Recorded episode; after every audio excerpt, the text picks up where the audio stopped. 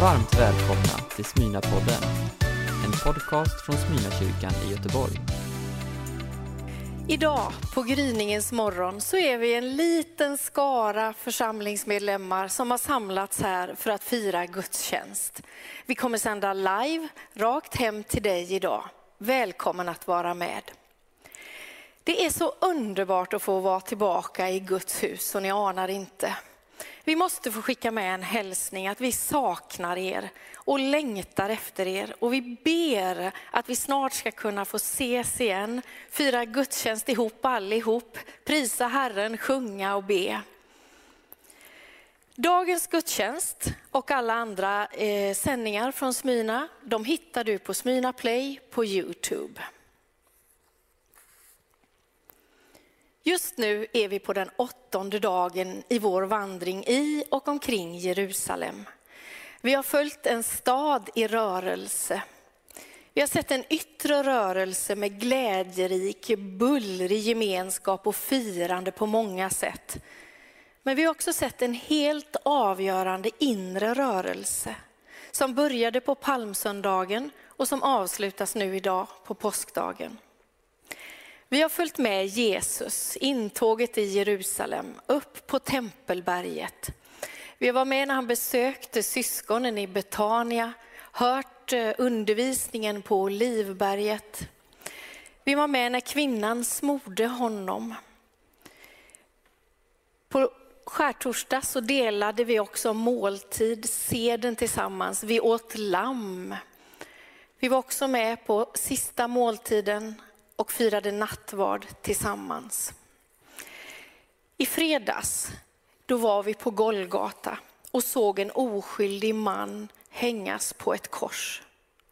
Vi lämnade honom i graven igår, gömde oss bakom lyckta dörrar tillsammans med förtvivlade lärjungar och vänner. Det var ju bara lördag och där satt vi under sabbaten.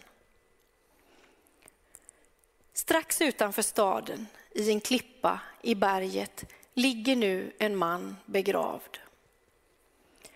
En kung som sa sig tillhöra ett annat rike. Och idag, första dagen i en ny vecka, så följer vi kvinnorna, Jesu närmsta vänner, när de tidigt i ottan beger sig av till just den graven.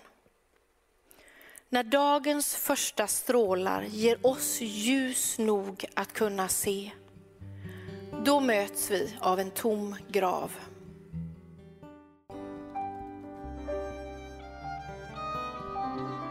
Efter sabbaten, i gryningen den första veckodagen, gick Maria Magdalena och den andra Maria för att se på graven. Då blev det en kraftig jordbävning för en Herrens ängel kom ner från himlen. Han gick fram och rullade bort stenen och satte sig på den. Hans gestalt var som blixten och hans kläder var vita som snö. Vakterna skakade av skräck för honom och blev som döda. Men ängeln sa till kvinnorna, var inte rädda. Jag vet att ni söker Jesus, den korsfäste. Han är inte här. Han har uppstått som han har sagt. Kom och se platsen där han låg. Och gå genast och säg till hans lärjungar att han har uppstått från de döda. Se, han går före er till Galileen. Där ska ni få se honom. Nu har jag sagt er det. De skyndade då genast iväg från graven. Med bävan och stor glädje sprang de för att berätta det för hans lärjungar. Plötsligt mötte Jesus dem och hälsade dem. De kom fram och höll om hans fötter och tillbad honom. Då sa Jesus till dem, var inte rädda. Gå och säg till mina bröder att de ska gå till Galileen. Där ska de få se mig.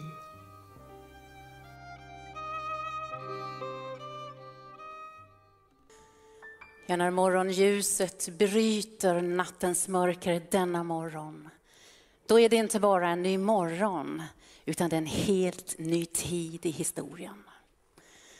När solen kastar sina första skira ljus över staden Jerusalem så delas tiden i två, i ett före och ett efter. Guds frälsningshistoria med oss kan bara beskrivas som ett före och ett efter denna morgonens soluppgång. För natt blir till dag. Mörker blir till ljus och död blir till liv. Varför då? För att Jesus Kristus, Guds son, är uppstånden. Därför vaknar du och jag till en helt ny verklighet. Och himlen vet det.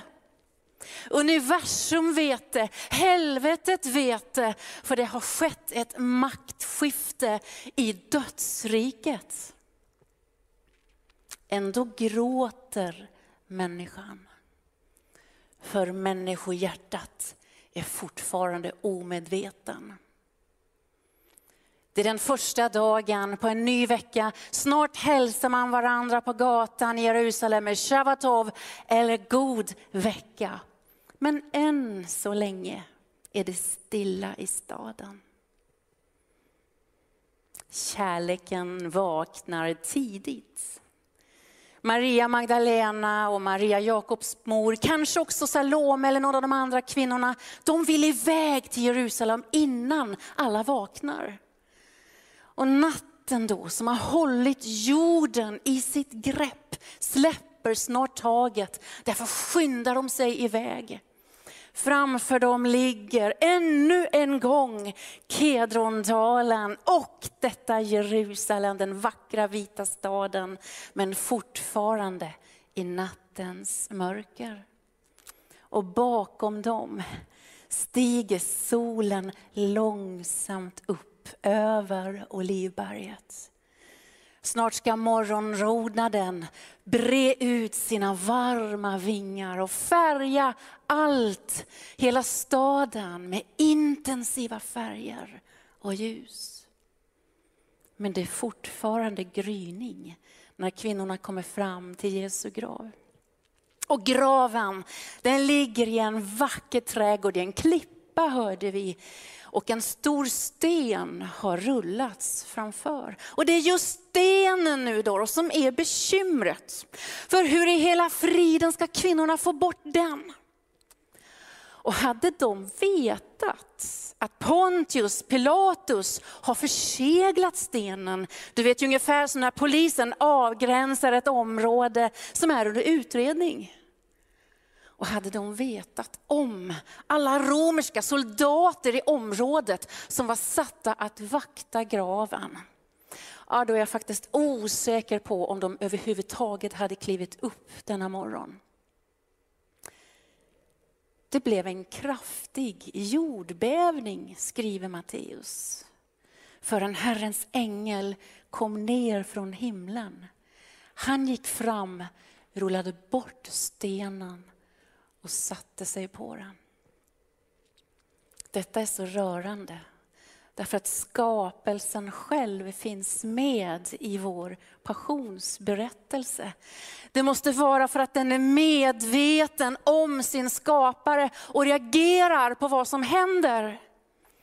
Långfredag så hörde och såg den själva till och såg hur klipporna rämnade. Idag ljuder ett skalv, ett jordskalv.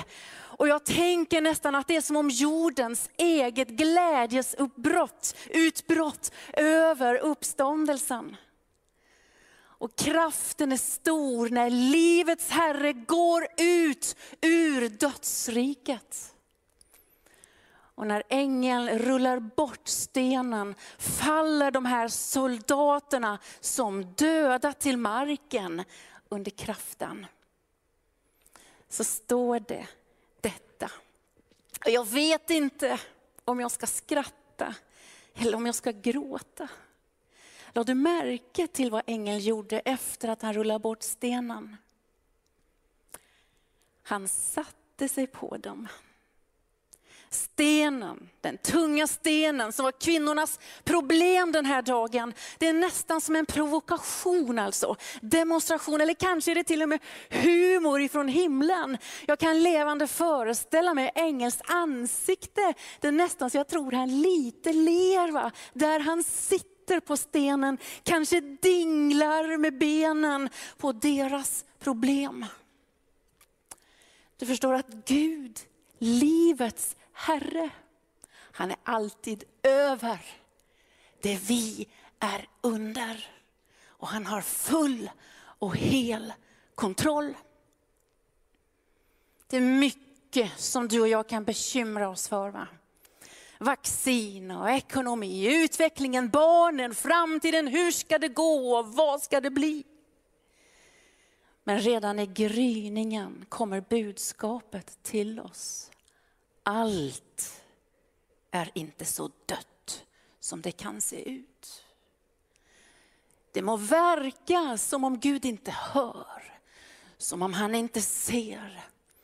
Men när han gav oss påskdagen i påskdramat så placerar han samtidigt in på scenen påskliljor och krokus och snödroppar, hellebor och allt detta vackra. Blommor som trotsar kylan och kommer upp med sina perfekta blad och vackra färger ur den bruna jorden som ligger nästan som död efter vintern. Så jo, det är mer liv än det vi kan se med våra ögon. För det finns en som kan rulla bort stenar. Inte bara från denna grav, utan från alla gravar. Han kan rulla bort stenar från hjärtan som sörjer. Kvinnor som gråter, män som är modlösa och dörrar må verka stängda. Men det finns en som ger sina änglar befallning om att flytta tunga stenar och spränga dödens portar. Var inte rädda, säger ängeln. Och ärligt talat så är det bra mycket lättare sagt än det är gjort. Va? För bara synen av en ängel kanske kan skrämma en del av oss. Men det verkar som om änglarna har ett huvudbudskap till oss människor. Vi har sett dem komma till jungfru Maria, till herdarna på marken och nu är det kvinnorna vid graven. Var inte rädd. Du vet, rädsla har en förmåga att sprida sig som ett virus och det smittar och det går snabbt. Men var inte rädda. Jag vet att ni söker Jesus, den korsfäste. Alltså ängeln är nästan förvånad. Ni människor där nere. Ni tror ju bara det ni ser och ni accepterar bara det ni kan förklara. Men här uppe ser vi livet, en större verklighet. Vi har ju till och med berättat den för er. Så varför söker ni den levande bland de döda? Han är inte här. Han är uppstånden. Och du som har varit då i Jerusalem har sett den här fantastiska trädgårdsgraven mitt i stan. Och när du går in i gravrummet så står en skylt på dörren. He is not here. He is risen. Han är inte här, för han är uppstånden. Du förstår att ängeln rullade inte bort stenen för att Jesus skulle komma ut ur graven. Uppståndelsen har redan skett. Stenen rullades undan för att vi, du och jag skulle få komma in och se med egna ögon vad som hänt. Kvinnorna får se in i graven med egna ögon. Och graven är tom. Ja, graven är tom. graven är tom. Gå genast och säg det till hans lärjungar att han har uppstått från de döda, säger ängeln. Va? Ska vi berätta för lärjungarna? Seriöst? Ska jag berätta för lärjungarna, en kvinna? Du vet, det var två grupper i samhället som inte räknades som vittnen i en rättegång. Den ena gruppen var herdar och den andra gruppen var kvinnor. För de var inte trovärdiga som vittnen. Och när Jesus väljer just vittnen till sin födelse, då väljer han några herdar. Och när han väljer vittnen till sin uppståndelse, då väljer han några kvinnor. Och jag säger vidunderliga Jesus Kristus för hans stora nåd och visdom. Gå genast och säg till hans lärjungar. Men när lärjungarna får höra vad kvinnorna har på hjärtat, ja då kunde de ju ha bjudit liksom på ett pyttet litet halleluja. Yes, vi visste det. Löftena kunde ej svika vänner. Nej, de står evigt kvar. Men det gör de inte. Alltså lärjungarna är helt inne i sin sorg, i sin världsbild och de gråter. Och när kvinnorna berättar vad ängeln har sagt, att graven är tom, ja men då vacklar tron rejält hos lärjungarna. De vet inte vad de ska tro. Så du som tvivlar på Jesu uppståndelse, jag kan säga dig att du är i väldigt gott sällskap. Kanske är det budbärarna, det är trots allt kvinnor. Eller också var budskapet för stort. En tom grav. Är kroppen stulen? Eller är han verkligen? Kan det vara så att Petrus och Johannes de rusar iväg till graven. Finner att det är precis som kvinnorna har sagt att graven den är tom. Det enda som finns kvar där inne i rummet på bänken där kroppen har legat är de vita bindlarna eller linnekläderna. De ligger hopvikta på bänken. Du förstår att när man begraver sina döda i Israel, då sveps de i vita kläder. Kläderna de bär en gång om året, på försoningsdagen, på Jom Kippur. Och de vita kläderna är en påminnelse om att inför Guds ansikte behöver vi alla rening från synd. Så i väntan på det stora mötet, ansikte till ansikte med Gud själv, så ligger den döde klätt i sina vita försoningskläder, väntar på uppståndelsen. Det är försoningskläderna som Petrus och Johannes finner. De rör vid kläderna med sina egna händer. Men lever försonaren? Finns det en levande Gud som vill och som kan försona oss med sig själv? Ja, för det blir ju ingen väckelse av en tom grav. Det blir ingen kyrka med en frälsare som är borta. Vi måste se att han lever.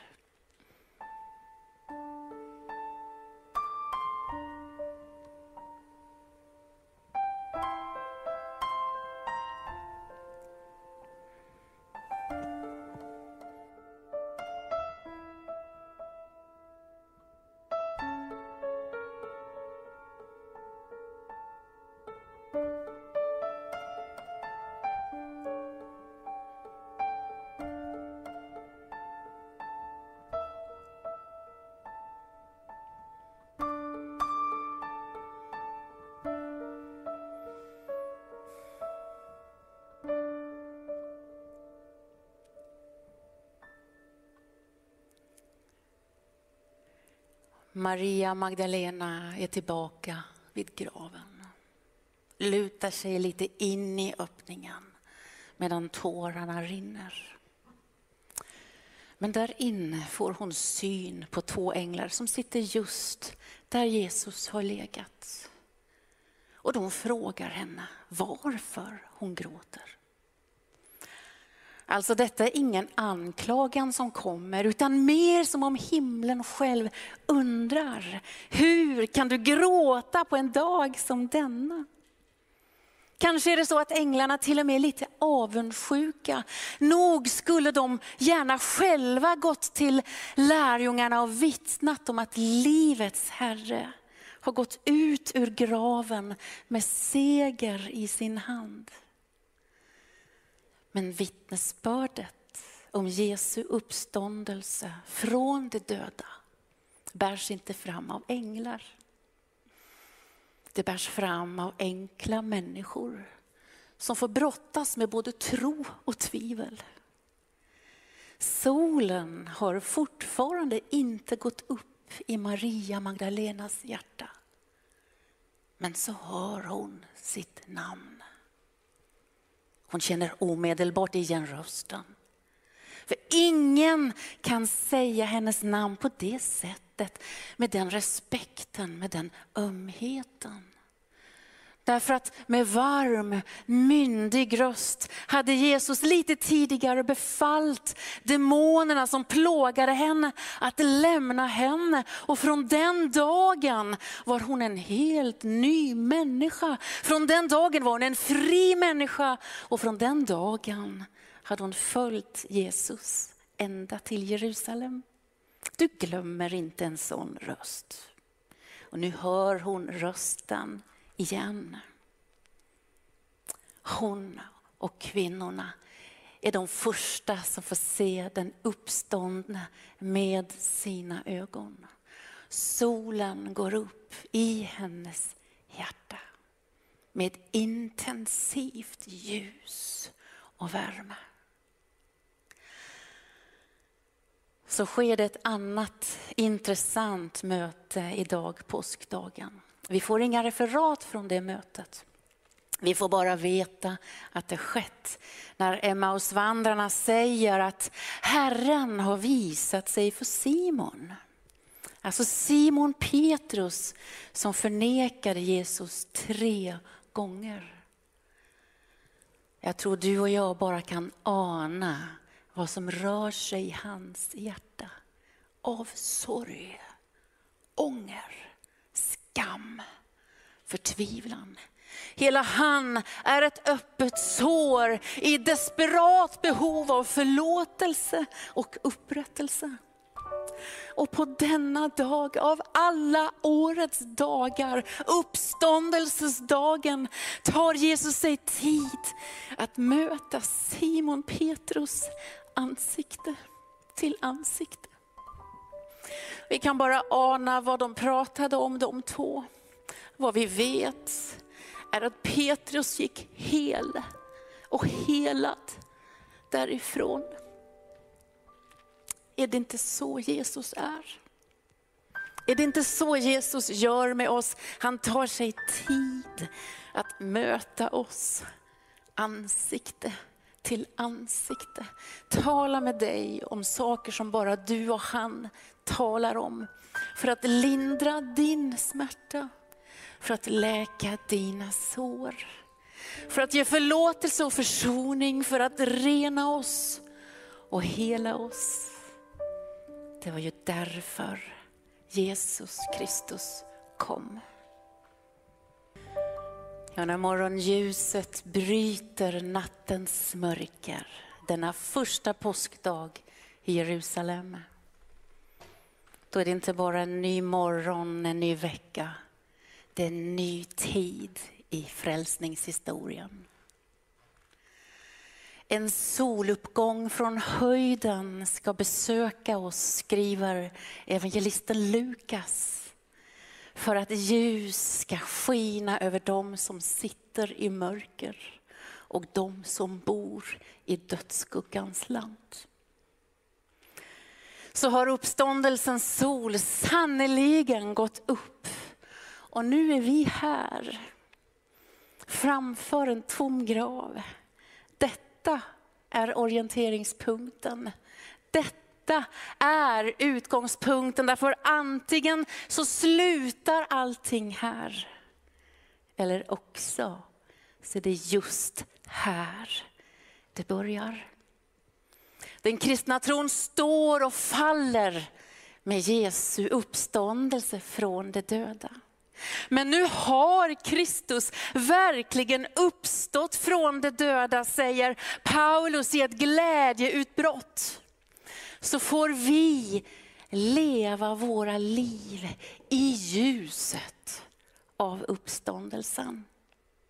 Och nu ska vi hälsa varandra så som kristna hälsat varandra ända sedan första påskdagen, den här uppståndelsens morgon i Jerusalem.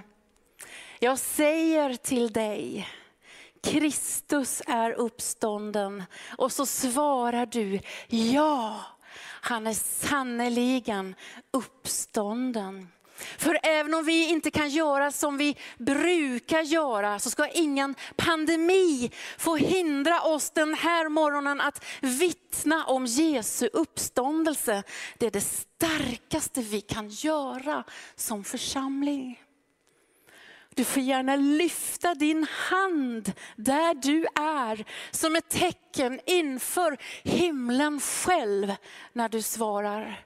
Det är det starkaste vi kan göra som församling. Jag ber er här i rummet att vara med, för nu vittnar vi tillsammans med alla troende över hela vår jord.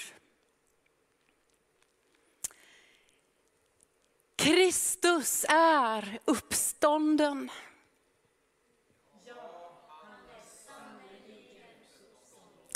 Halleluja. Halleluja. Här, just här, vid den tomma graven börjar själva livet. Och vår bön som har gjort den här påskvandringen i år är att soluppgången från uppståndelsens morgon ska få gå över ditt liv. Att du får leva i ljuset och värmen från en levande, närvarande Gud. För det var för dig han kämpade i ett semane. Det var för dig han led och dog. Och det var för dig och mig han uppstod. Så denna dag, den första dagen i veckan, kan bli den första dagen på en helt ny vandring. En ny relation. Ett nytt liv med Jesus Kristus. Kanske ska solen få gå upp för första gången i ditt hjärta. Kanske har du varit en kristen i många år, men du behöver en ny begynnelse. Detta är dagen. Detta är en ny begynnelse. Därför att rättfärdighetens sol har gått upp med läkedom under sina vingar. Gud välsigne dig.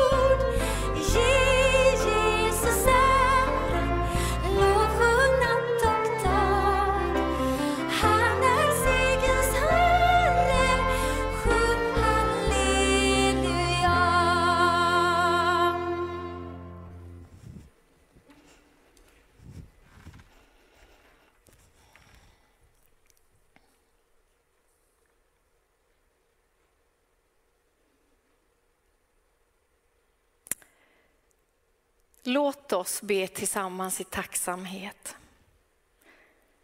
Tack Herre för uppståndelsen, för dagen då själva livet börjar. Jesus, tack för att du lever och är mitt ibland oss här och nu som du har lovat. Du är inte långt borta från någon enda av oss. Tack för att du älskar oss, hör oss när vi ber och tar emot oss som vi är. Kristus, visa dig för dem som tvivlar, för dem som har svårt att tro. Du har för alltid nycklarna till himmelriket. Din är makten och äran i evighet. I Jesu namn. Amen. Vi har fått höra ansikte mot ansikte med Herren själv. Och nu ska du och jag få möjlighet att visa vad påsken och den här veckan har fått betyda för oss. Vad det innebär i våra liv, i vår vardag. Att det kan göra skillnad. Att den här insikten om vad Jesus gjorde för mig och dig verkligen får slå rot i oss. Att det får växa, blomma och sen bära frukt på ett konkret sätt. Just därför så är det en förmån att vi nu får visa vår tacksamhet. Vi får lov att ta vår del av påsken, göra vårt offer och föra det verk vidare som Jesus så tydligt la i våra händer. Nämligen att bygga hans kyrka på jorden, berätta om hans liv och om hans död. Jesus är med, han leder bygget precis som nu som då. Och vi behöver vara på plats, vi behöver vara redo och hjälpa till med det arbetet på olika sätt. Och det kan vi få göra just nu genom att ge av våra tillgångar, helt enkelt våra pengar idag. Jag vänder mig lite mer till dig som är med i Smyna och har ditt andliga hem här. Men den här inbjudan om att få vara med och skänka och hjälpa till, den är förstås till oss alla. Välkommen att ge din gåva.